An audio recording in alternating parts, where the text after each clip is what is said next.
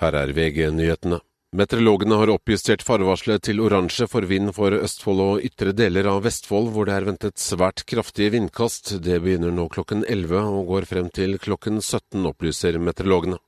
I Ukraina er tre mennesker drept i et russisk droneangrep i havnebyen Odessa. Ifølge regionale myndigheter til sammen sendte Russland 31 droner mot Ukraina natt, ifølge det ukrainske forsvaret.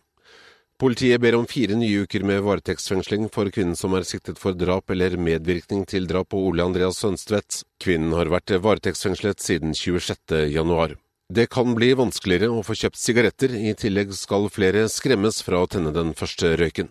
Helseminister Ingvild Kjerkol ønsker nemlig en rekke nye forbud, tiltak og kampanjer. Sigaretter og andre tobakksvarer skal få nye advarsler. E-sigaretter til engangsbruk skal forbys, og reklame for tobakks- og nikotinprodukter på internett og i sosiale medier skal begrenses. Kjerkol håper ifølge Vårt Land å kunne legge frem en lovproposisjon for Stortinget i løpet av året.